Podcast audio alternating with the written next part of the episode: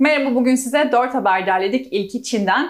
Çin hükümeti bir uygulama planı yayınladı. Amacı ise Şangay kentinde 2023-2025 yılları arasında kentsel blok zincir dijital altyapı sisteminin geliştirilmesini teşvik etmek. Uygulama planı Çin hükümetinin resmi web sitesine 31 Temmuz'da yayınlandı ve yayınlanan bu güncellemede planların Şangay kentsel dijital dönüşümünün stratejik hedefine hizmet etmek ve bunu ekonomide, kamu hizmetlerine ve kentsel yönetişimde blok zincir uygulamasını güçlendirmek amacıyla formüle edildiği belirtiliyor. Yine duyuruya göre Çin'in Yangtze Nehri deltası bölgesindeki blok zincir ağ kaynaklarının koordinasyonuna da yardımcı olacak ve yine uluslararası bir blok zincir değişim merkezi oluşturulacak. İkinci haberimiz şu şekilde.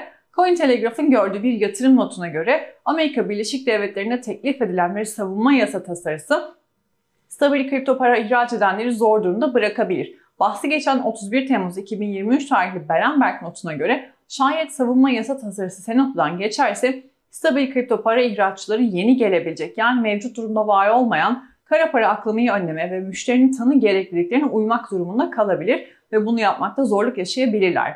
Berenberg analistine göre bu olası değişiklik ABD Hazine Bakanı'nın kripto varlıklar için inceleme standartları oluşturmasını gerektirecek. Bu sebeple kendi sözleriyle problematik olacak.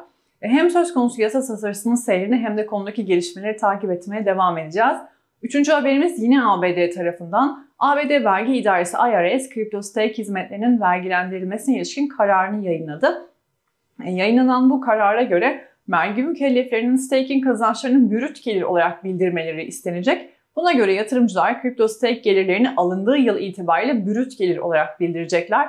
Kararda stake kazançlarının adil piyasa değerinin yıllık gelire dahil edilmesi ve varlıklar alındığında belirlenmesi gerektiği söylendi. Karar hem doğrudan kripto paralar hem de merkezi borsalardaki varlıklar için geçerli olacak. Son haberimiz Güney Kore'den. Güney Kore merkezi bir yayın kuruluşuna göre ülkenin Merkez Bankası CBDC pilot uygulamasını başlatacak. 31 Temmuz'da Kore Merkez Bankası'nın özel hedef CBDC test alanı için 3 şehri aday olarak seçtiği teyit edilmişti. Rapora göre banka nihayetinde bu 3 şehirden birini seçecek ve kamu düzeyinde ödemeleri ve dağıtım e, denemesi yapacak. Merkez Bankası'ndan bir yetkili ise konuya ilişkin şu açıklamalarda bulundu.